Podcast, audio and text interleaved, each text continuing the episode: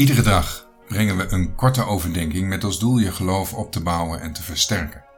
En dat doen we door een bladzijde uit het Bijbelsdagboek te behandelen. Fijn dat je luistert naar de podcast van bijbelshandboek.nl. De muziek bij deze podcast is geschreven en uitgevoerd door Jack Andrew. 4 februari. Ik wil beginnen met 1 Korinthe 15, vers 44. Een natuurlijk lichaam wordt er gezaaid, een geestelijk lichaam wordt er opgewekt. Er is een natuurlijk lichaam en er is een geestelijk lichaam.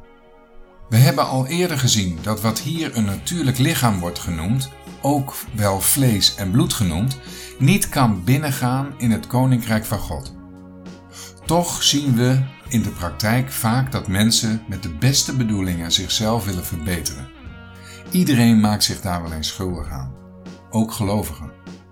Door vroom en religieus te leven en zichzelf bepaalde regels op te leggen, hoopt men toch binnen te gaan in het koninkrijk.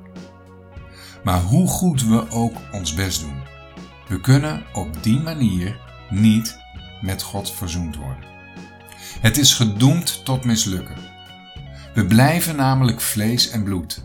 Denk maar eens aan alle goede voornemens die we soms hebben. In de praktijk komt er vaak niets van terecht. En dat is vaak heel frustrerend. Het is daarom belangrijk dat we de oorzaak kennen van ons gedrag. Deze ligt namelijk in onze afkomst.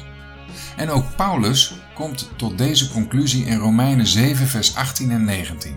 Hij zegt: Want ik weet dat in mij, dat is in mijn vlees, geen goed woont. Want het willen is wel bij mij, maar het goede te doen, dat vind ik niet. Want het goede dat ik wil, doe ik niet, maar het kwade dat ik niet wil, dat doe ik.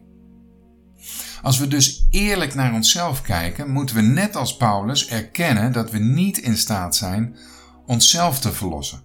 En dat zegt hij ook in Romeinen 7, vers 24. Hij zegt daar: Ik, ellendig mens, wie zal mij verlossen uit het lichaam deze doods? We moeten namelijk verlost worden van onze oude natuur, om een nieuwe te kunnen ontvangen.